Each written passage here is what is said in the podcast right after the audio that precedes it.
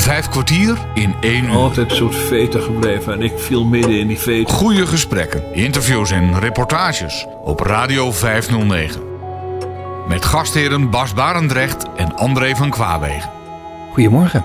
Vandaag zit Bas in Naarden en is op bezoek bij zijn oude huisarts.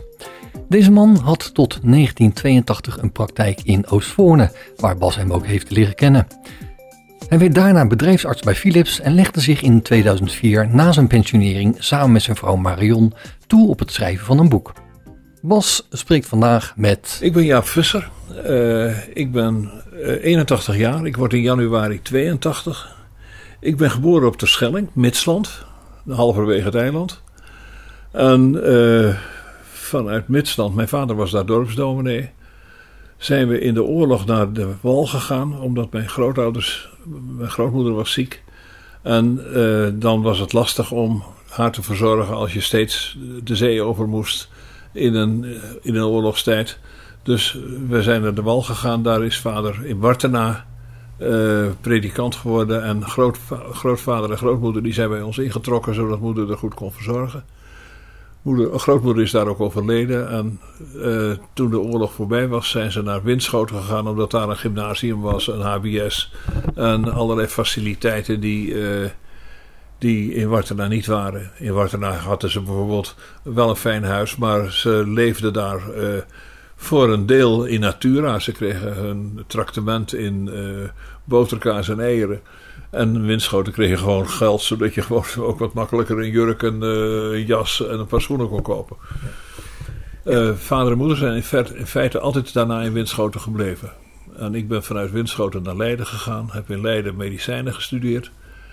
En ben daarna naar de Zuid-Hollandse eilanden getrokken, waar een praktijk vrij was.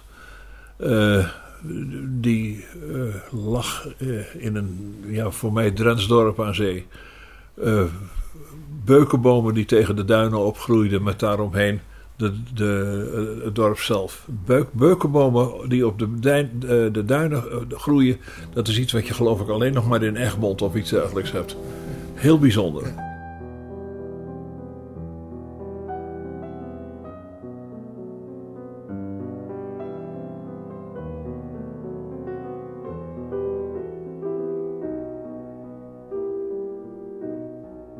We gaan even terug met je goed vinden, want anders dan nemen we de hele zaak al door terwijl het nog niet uh, nodig is. Uh, naar de tijd op het eiland. Ja. Hoe lang heb je daar gewoond? Niet lang. Uh, vader en moeder maakten daar wel films.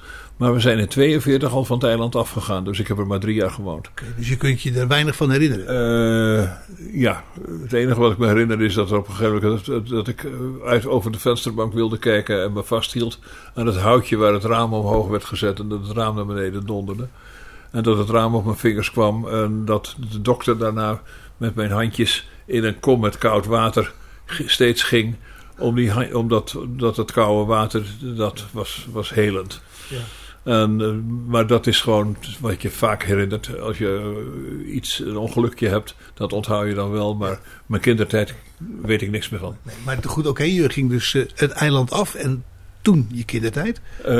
ben ik me eigenlijk pas goed bewust van vanaf mijn vierde.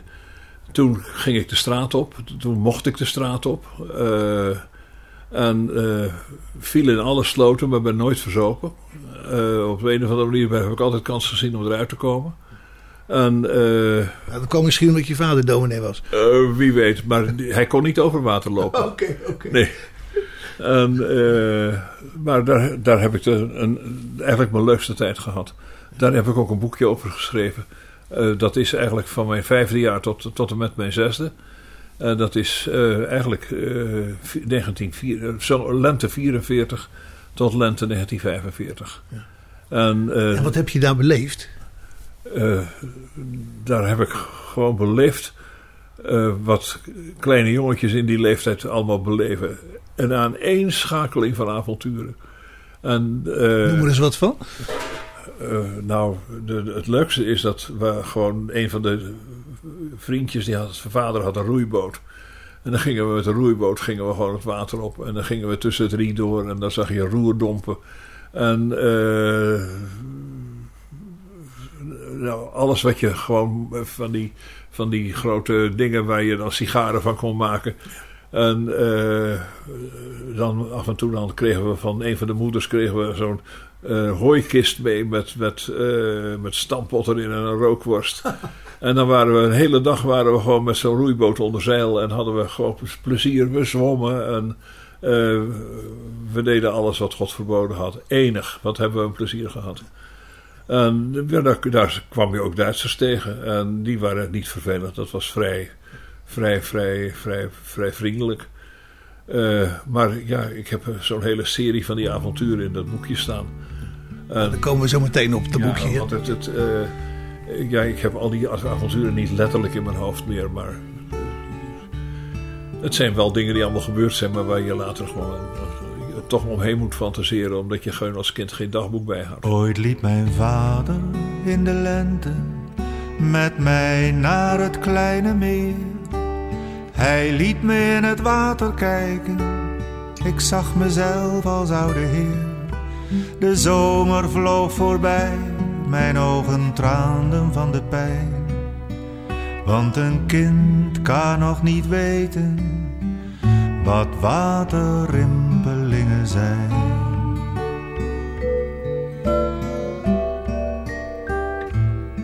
Toen de herfst begon te razen, liep ik alleen naar het kleine meer.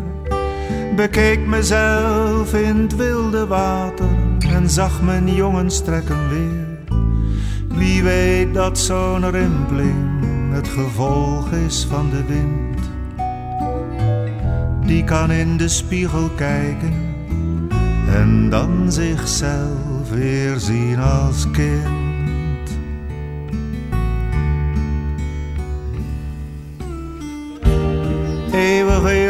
Is zonder spijt, geen flauw benul van plaats of tijd. Er is alleen maar heden, geen toekomst of verleden, zolang me heugt.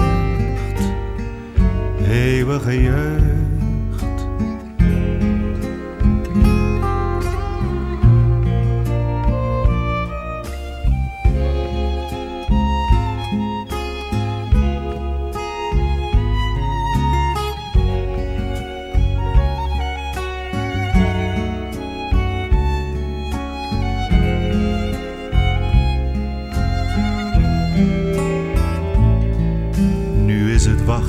Op de winter. Niet alleen mijn haar wordt grijs. Ik zal naar het kleine meer gaan om voet te zetten op het ijs. Het water zal me dragen tot het winter weer verveelt. Dan zal ik zinken in de lente, verdrinken in mijn spiegelbeeld.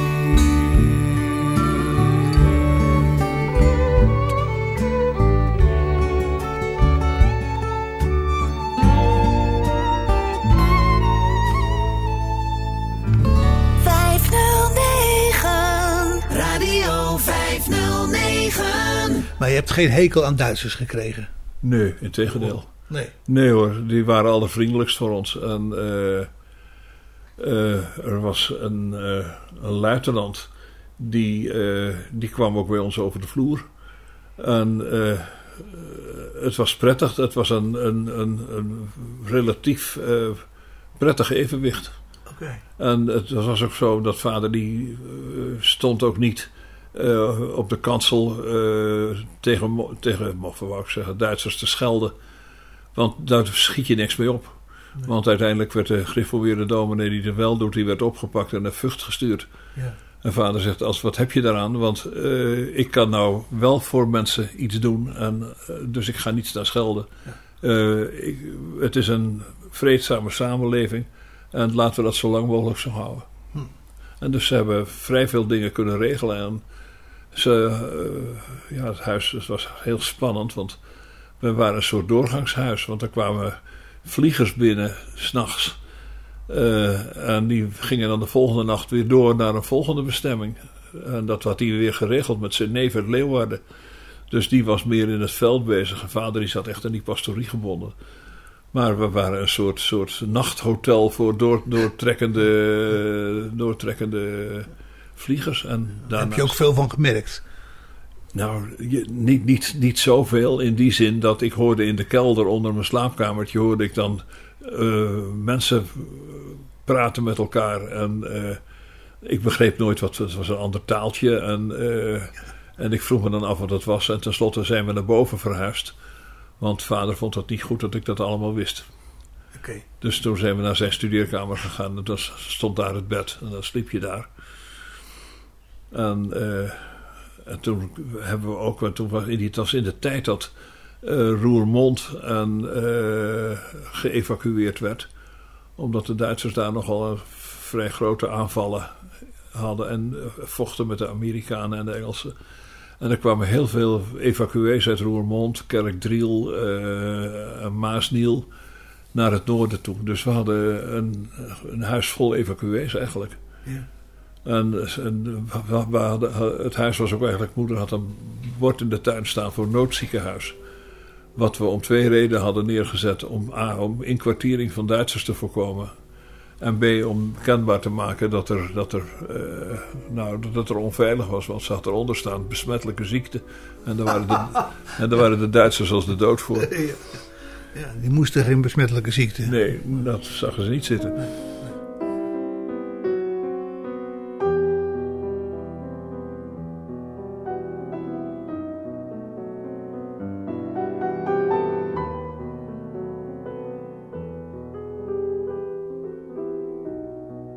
Bas Barendrecht is vandaag in gesprek met voormalig huisarts Jaap Visser. Na, na, na Friesland zijn we naar Winschoten gegaan. En uh, ja, dat was overschakelen van Fries naar Gronings. En dat is werkelijk een, een, een, een uh, van, van Engels naar Russisch. is dat zo, ja? Ja, ik vond het een geweldige overgang. Het uh, Fries, dat, dat, dat was me op het lijf geschreven. En Gronings, dat geknauw moest ik ontzettend aan wennen. Spreek je nog steeds Fries? Uh, nee, ik spreek nog wel Gronings. Het Gronings is het langst bijgebleven. Oké, oké. Okay. Maar daar heb ik ook het langst gewoond uiteindelijk. Ja. En uh, ja, het leuke was dan... Uh, zei mijn lieve Marion, die zei dan... Nou, daar komt Jaap weer met zijn Groninger uithaal. Ja. En uh, ja, daar waren, wist, hoorden ze dat aan. Uh, dat aan het eind van een zin je de zin om, dat het woord omhoog gaat. Of dat je het accent van een zelfstandig naamwoord op de tweede lettergreep legt in plaats van op de eerste. Uh, ik heb even zo gauw geen voorbeeld voorhanden. Uh, Marktplein. Niet Marktplein, maar Marktplein. Ja. Ja, nou dat soort, ja, ja, ja, dat soort grapjes. Ja, ja. Onze Grunninger weer. Ja. Hoe lang heb je daar gewoond? Uh, nou, vrij lang. Totdat ik naar Leiden ben gegaan. En toen bleven mijn ouders dus daar wonen. Dus vanuit Leiden ben ik natuurlijk altijd naar, uh, naar uh, Winschoten gelift. Ja. gelift zeg je? Ja, dat was het makkelijkste. Ja. Als je dan dacht van ik heb, ik heb zin om dit weekend naar huis te gaan. Dan pakte je je tas en dan deed je daar meteen je was in. En dan stond je op de, op de Hoge Rijndijk. ging je staan liften en dan... Nou, dan kwam ik s'avonds om 11 uur kwam ik dan in Winschoten aan. En dan had ik zo'n bordje bij me, daar stond er nog Winschoten op. En uh, nou, dan werd je vaak hele enden meegenomen. Ja. Was dat leuk? Heb je nog bijzondere ervaringen? Liften vond ik ontzettend leuk, ja. Daar heb ik erg veel plezier aan gehad. Ja, ja. Nee, ook een keer dat ik uh, stond te liften en dat er kwam een prachtige mooie Amerikaan aanrijden. En die kwam, reed langzamer en die stopte voor me. Ik denk, oh, wat fijn dat ik al mee kan. Want ik stond er nog maar drie minuten. En toen deed die vent het raampje open en die stak zijn vinger in zijn oren en die deed nee. En toen reed hij snel door. ik dacht, flauwe kerels. Dus nou, goed, de kerels reden door. En vijf minuten later kwam er een andere auto, die nam me mee. En toen kwamen we bij Hazerswoude en ik geloofde het niet, maar die Amerikaan die lag er in duizend gruzels over de weg. Die was tegen een vrachtwagen aangereden. Alle mensen die lagen op de weg. En ik denk, nou, dat is een godspe dat ik niet in die auto meegegaan ben. Die kerels hadden zo met hun duim in hun oren rare gebaren gemaakt. En verdomme, vijf minuten later zijn ze, zijn ze de klos. Wat ben ik blij dat ik niet in die auto gezeten heb. En dat, dat, dat, dat, dat engeltje heb ik altijd op mijn schouder gehouden. Dat er altijd dingen gebeurden dat ik net de dans ontsprong. Hoe het komt, ik weet het niet. En ik moet, ook moet het ook onmiddellijk afkloppen. Want het is levensgevaarlijk om zulke opmerkingen te maken. Ja. Maar het- ik ben dit soort zaken vaker tegengekomen. En dan ineens dan denk je van, goh, dat, eh, de baas heeft het goed met me voor. Ja.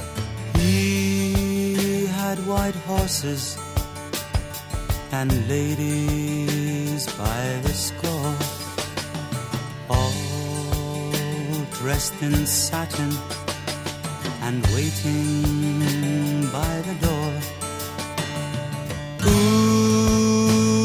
What a lucky man he was. Ooh, what a lucky man he was. White lace and feathers, they made up his bed.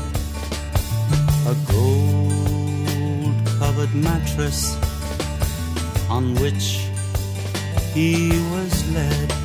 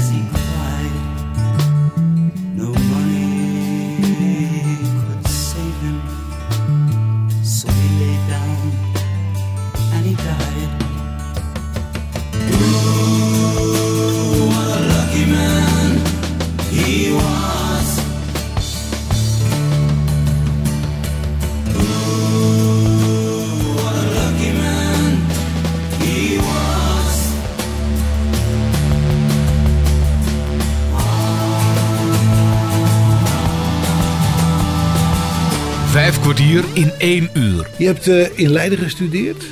Hoe lang? Eh, eh, relatief lang, want ik wilde, ik wilde uiteindelijk gyne- gynaecologie en verloskunde gaan doen. Dus ik ben vrij lang ben ik daar blijven werken. En eh, ook gedurende mijn militaire diensttijd ben ik daar blijven werken. En ik ben daar net zo lang gebleven totdat ik een praktijk vond waar ik eigenlijk wel naartoe wilde.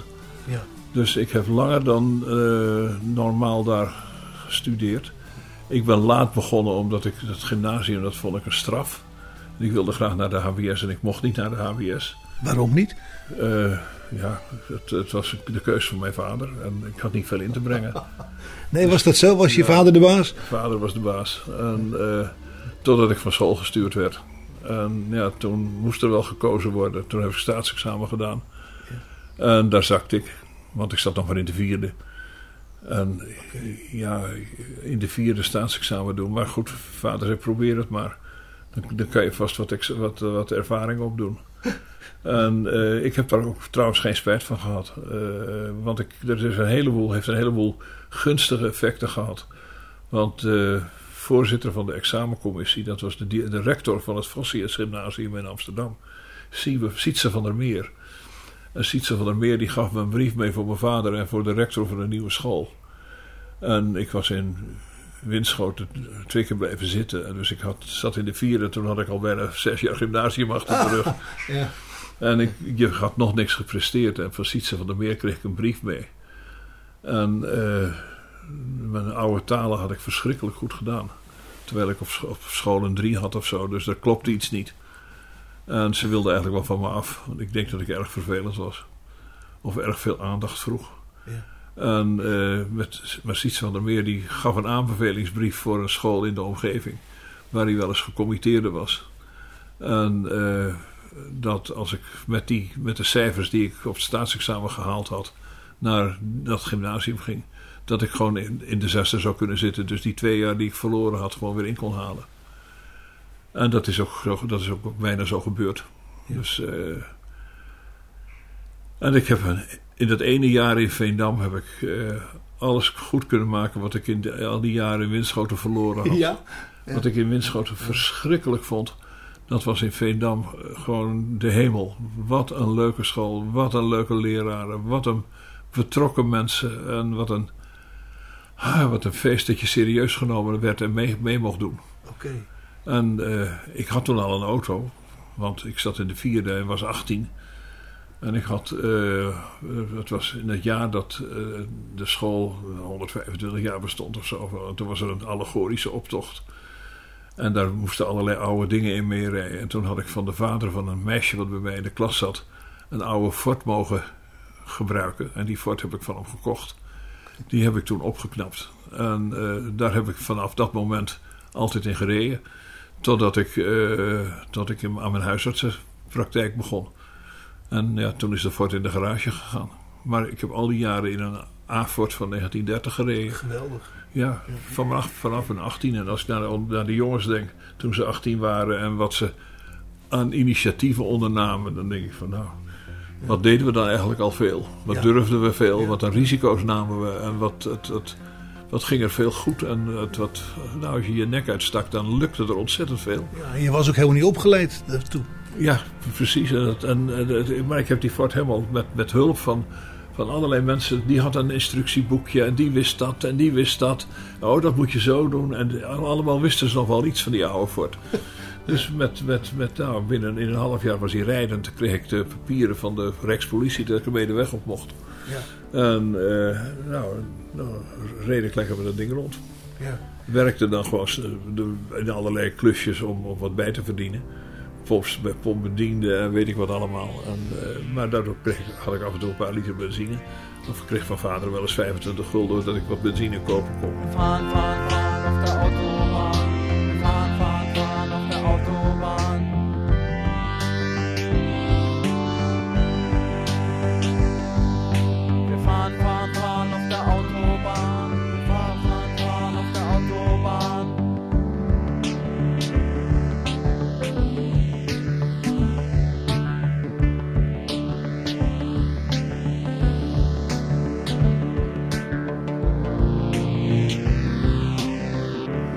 Vader is altijd wel dominee gebleven in...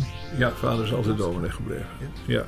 Maar vader is een hele liberale man. Die, want toen ik met die auto kwam, nou iedereen die sprak er schande van. En vader die vond het prachtig. Ja. Die zegt, hé, wat leuk. Initiatieven, dat zag ik graag. Als je, Ja, ja. Als je met iets creatiefs kwam en daar iets van mee, mee deed. En, en dat nog succes had ook. Hij is natuurlijk altijd zo gebleven. Zo is hij altijd gebleven. Ik heb de, ik heb de meest fantastische vader gehad die je kunt voorstellen. Ja. Nee, dat heb ik. Inspier heb jij? Ja. Nou, dan hebben we twee concurrenten. Oké, oké. Want hij eh, inspireerde me met alles. Dat Ja. enig. Dat ik eh, kreeg ook altijd alle kansen. En, eh, Is hij Dus- oud geworden? nee, hij, is, hij had, was hartpatiënt. En hij is in 84, 85 op zijn 74ste overleden. Dat is niet oud. Nee, maar bij Marion was ook 74. En het gekke is, die, die twee die leken op elkaar. Marion zou zo een dochter van mijn vader hebben kunnen zijn. Ja. Ze- Als twee druppels water leken die mensen op elkaar. Wat is dat? nou? De- Ongelooflijk. Ongelooflijke coincidenties zijn dat. Ja. Ja, ze zijn allebei even oud geworden. Mijn moeder die is 92 geworden en ik hoop dat ik dat ook word. Ja, Nou, gewoon zo doorgaan. ja god, je hoeft er niks voor te doen uiteindelijk. Vijf kwartier in één uur. Bas Barendrecht is vandaag in gesprek met voormalig huisarts Jaap Visser. Die had het zojuist over zijn opleiding tot huisarts. Tijd dus voor de volgende stap in zijn leven. Op Radio 509. En jij op een goed moment kwam je dus in Oostvoorne terecht, opgeleid en wel? Ja, ik heb, de, ik heb een, eh, nou, natuurlijk extra opgeleid op de, op de verloskunde.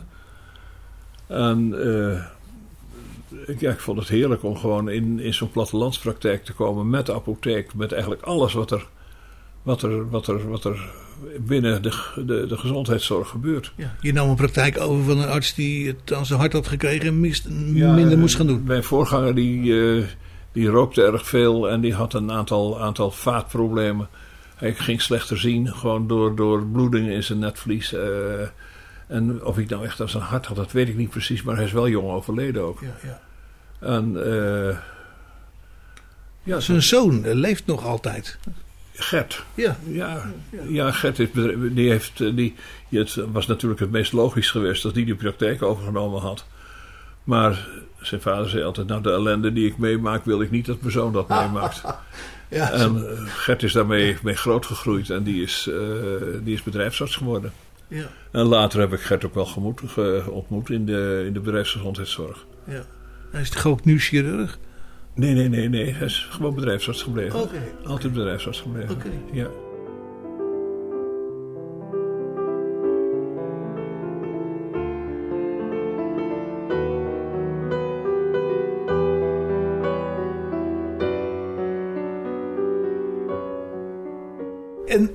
Hoe, hoe, hoe was het in Oostvoorne, in die praktijk? Geweldig. Ja. Ja, de mensen hebben me opgevoed daar hoor.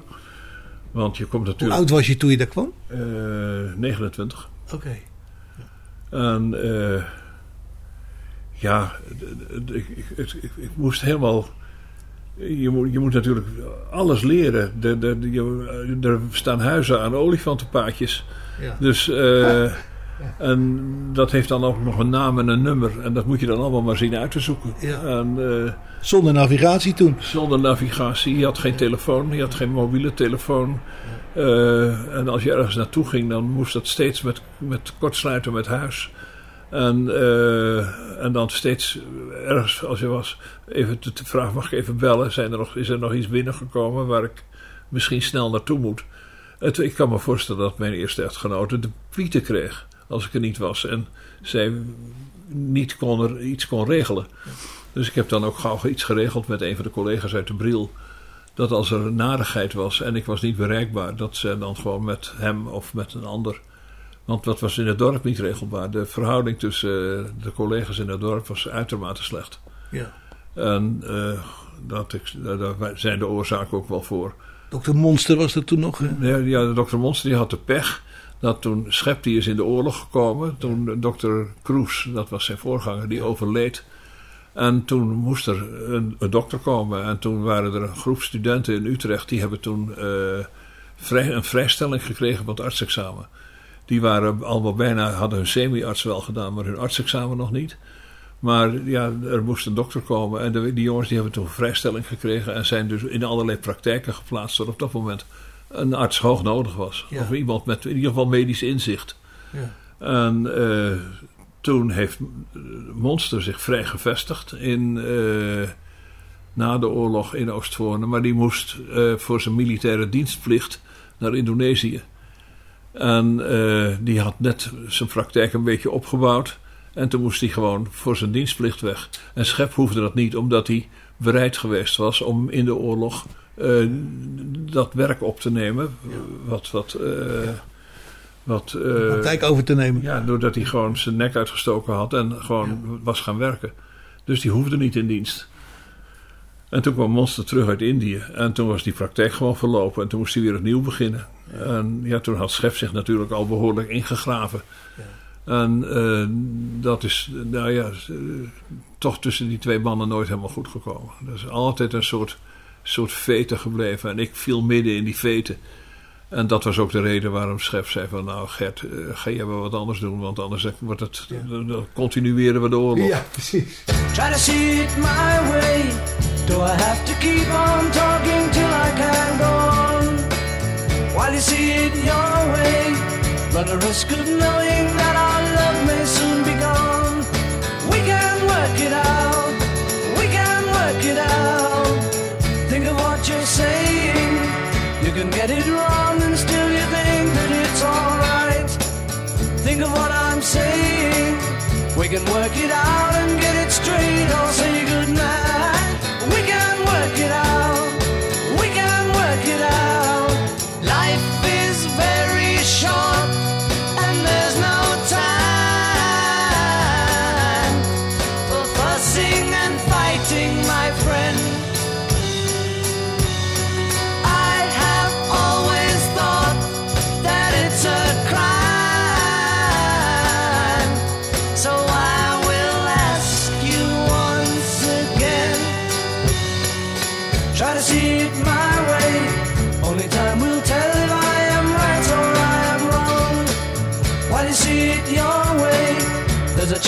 We might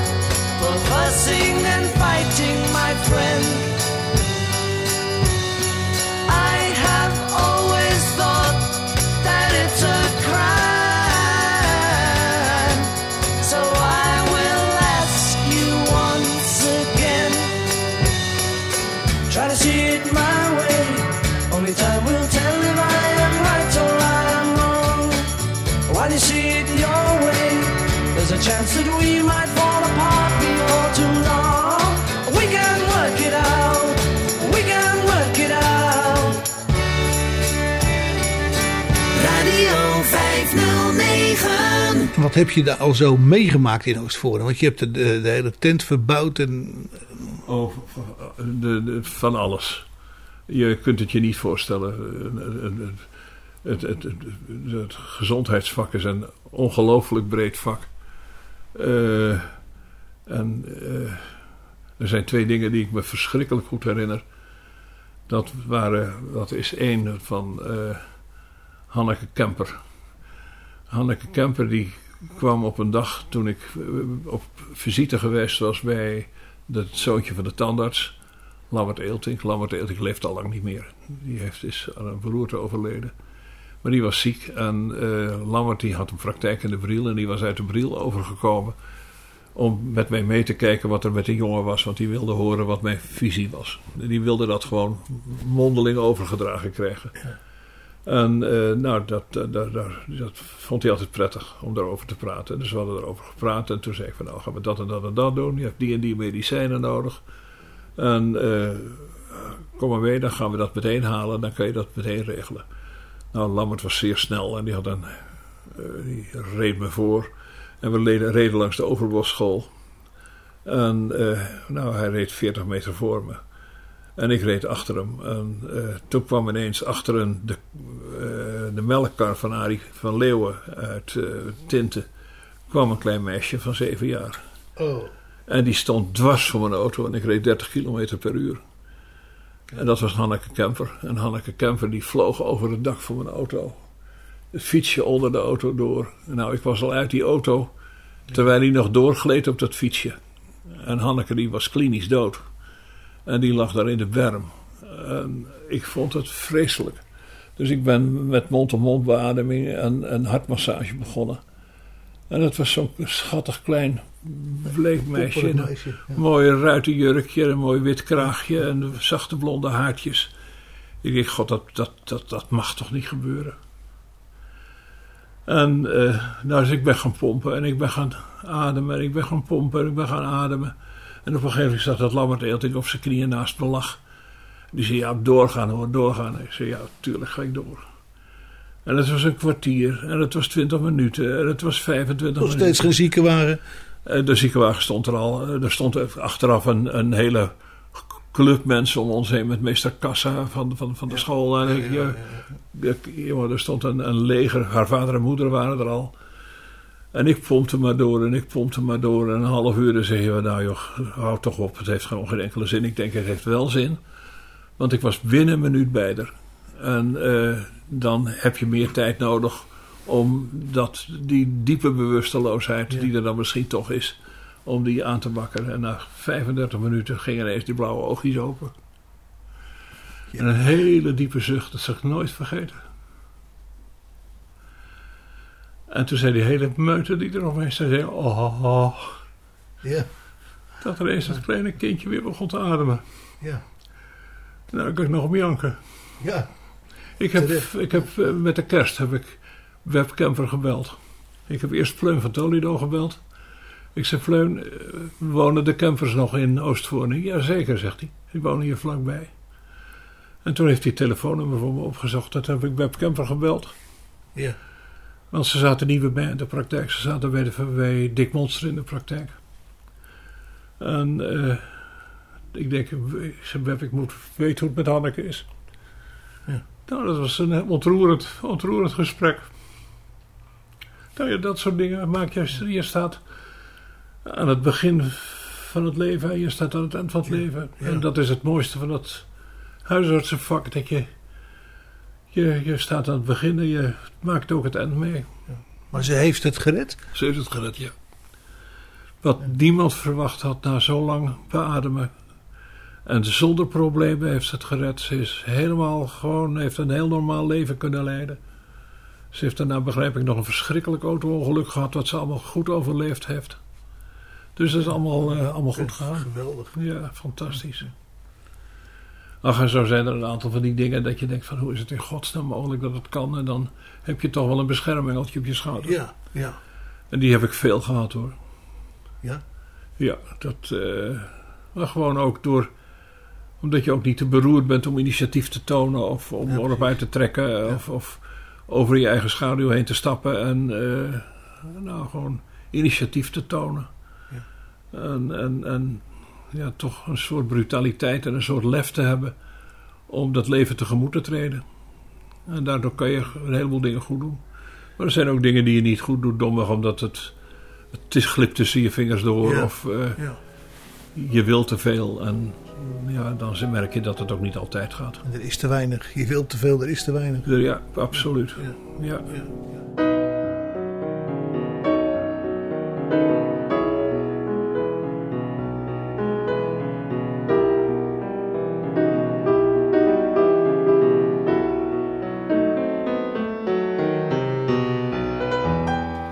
In vijf kwartier in een uur praat Bas Barendrecht met voormalig huisarts Jaap Visser. Ja, je hebt er veel meegemaakt. Ehm, even, je bent ook gescheiden toen in die periode? Ja, nou, nou, het, het- mijn eerste vrouw die, nou, die vereenzaamde gewoon. Dat was gewoon een stadsmens. Dus die, Die voelde zich niet thuis in Oostvoorne. nee, die voelde zich niet thuis in Oostvoorne. En eh, die kon ook niet acclimatiseren. Die, dat, die, die paste niet in Oostvoorne. Nee. En eh, die is toen met mijn assistent getrouwd. Die tien jaar jonger was. Oké.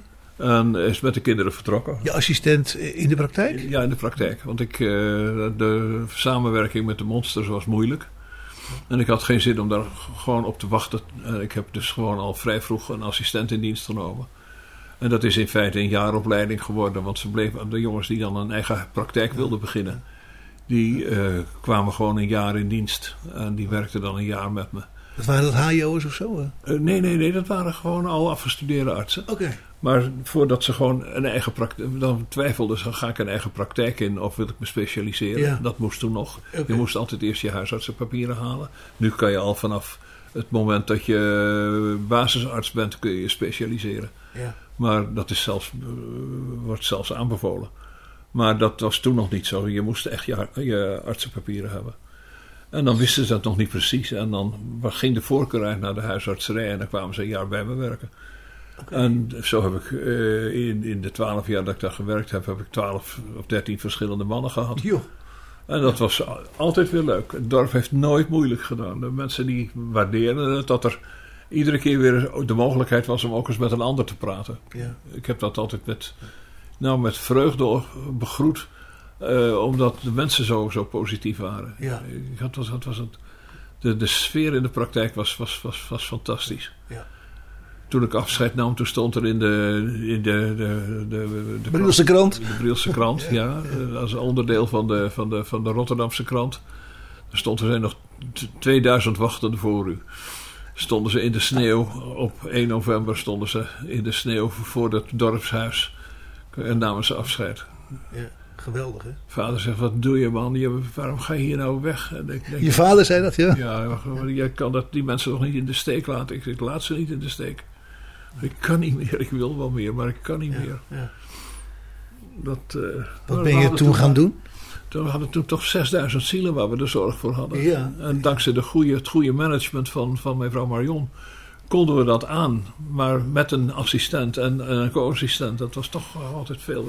En met alle verantwoording die daarbij hoort, Ja. was toch erg belastend hoor. Ja, en Marion deed heel ander werk. Ja, Marion was van huis uit was, eh, was eh, radioomroeper. Ja. En ze is bij radio begonnen. En dan moet je niet in Oostvoorne wonen. Nee, maar ze vond het enig, want ze kwam ineens in een, in, in een sfeer waarin we samenwerkten. Ja. En dat samen iets doen was het, het, het voor van Marion. Dat, dat die genoot van het feit dat we samen iets deden. Dus toen ik naar Philips ging, was het even een streep door de rekening. Want we deden het niet meer samen. We, we, we, we verdeelden de taken niet meer. Ja. En, eh, maar ze had wel weer het voordeel dat ze. Ze heeft toen Europa TV gedaan. Dat was toen een nieuw initiatief. En daardoor kon ze toch weer oproepen en eh, maakte ze kennis met eh, mensen uit alle landen in Europa die daar allemaal een eigen cabine hadden. En waarin, we, waarin dan gewoon dat, dat, dat, dat idee van, van, van dat Europa, eh, maar dan op communicatiegebied, Ja, ja. werd aangemoedigd. Het is niet gelukt.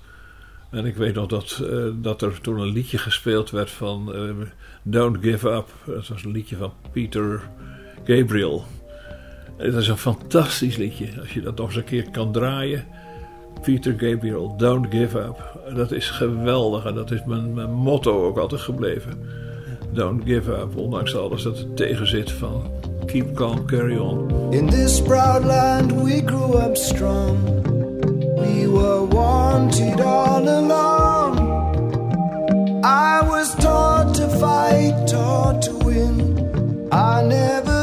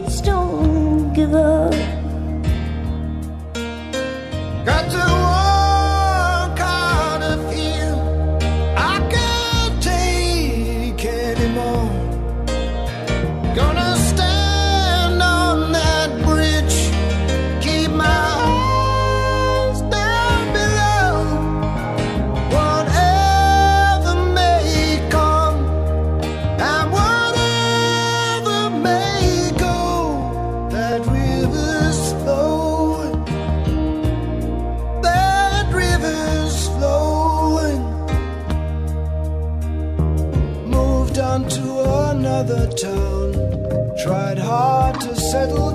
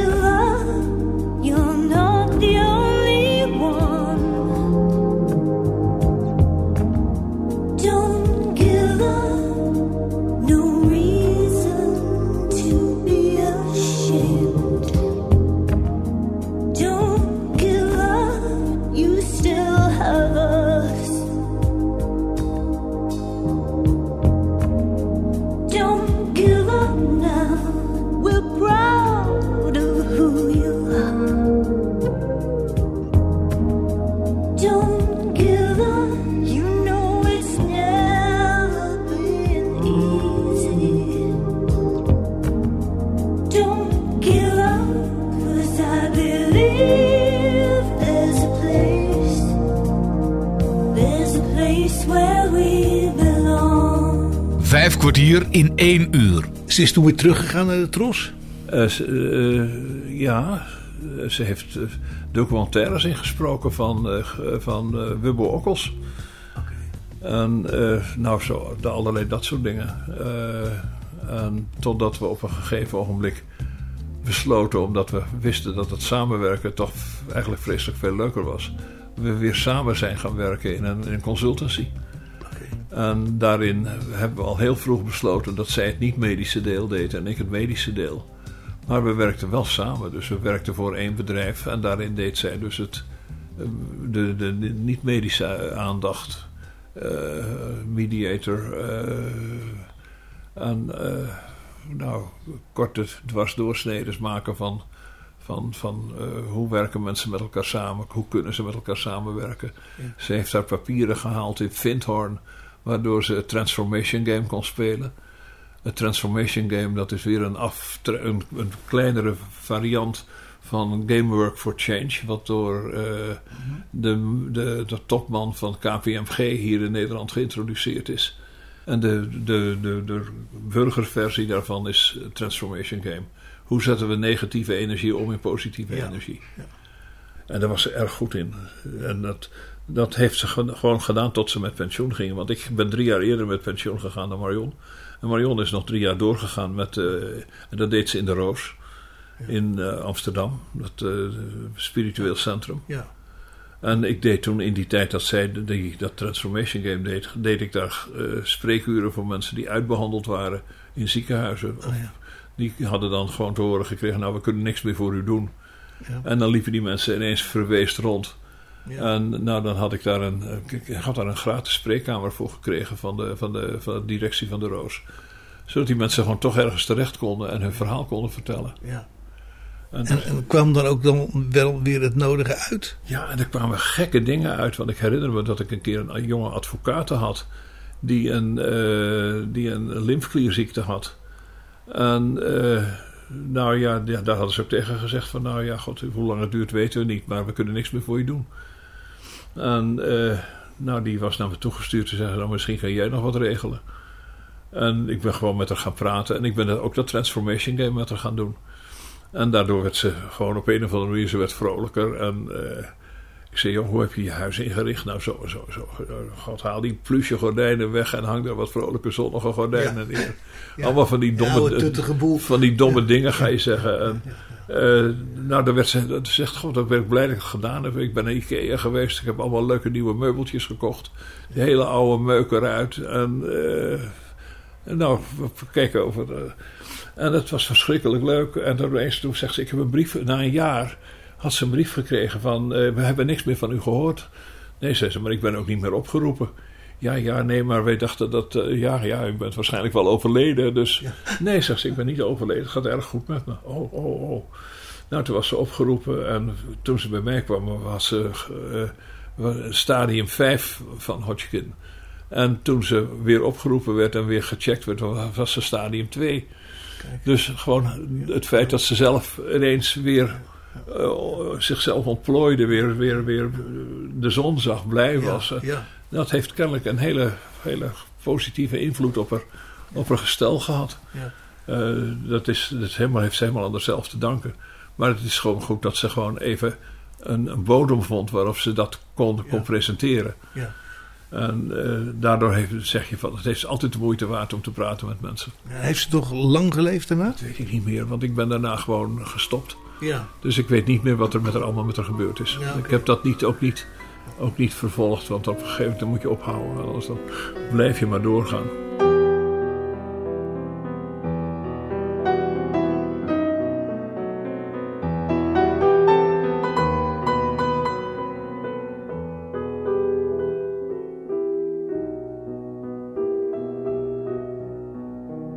Het niet moeilijk om als eh, arts de afstand te bewaren? Eh, in, de, in de zin van.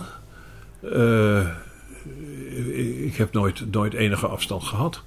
Ik kon in Oosterhoorn altijd met mijn handen in mijn broekzakken overal binnenlopen. Ja, dat bedoel ik, ja. En dat, was, dat is nooit, nooit een probleem geweest. Dat werd alleen maar gewaardeerd. Ja. En eh, dat wil niet zeggen dat ik alleen maar met mijn handen in mijn broekzakken bij mensen binnenliep. Maar als ik rondreed. En dan ging ik wel eens gewoon, eh, stapte ik wel eens even binnen. Van hoe gaat het? Gaat het allemaal goed? Ja, maar er zijn ook wel eens mensen die zeggen, nou je had best wat vaker mogen komen.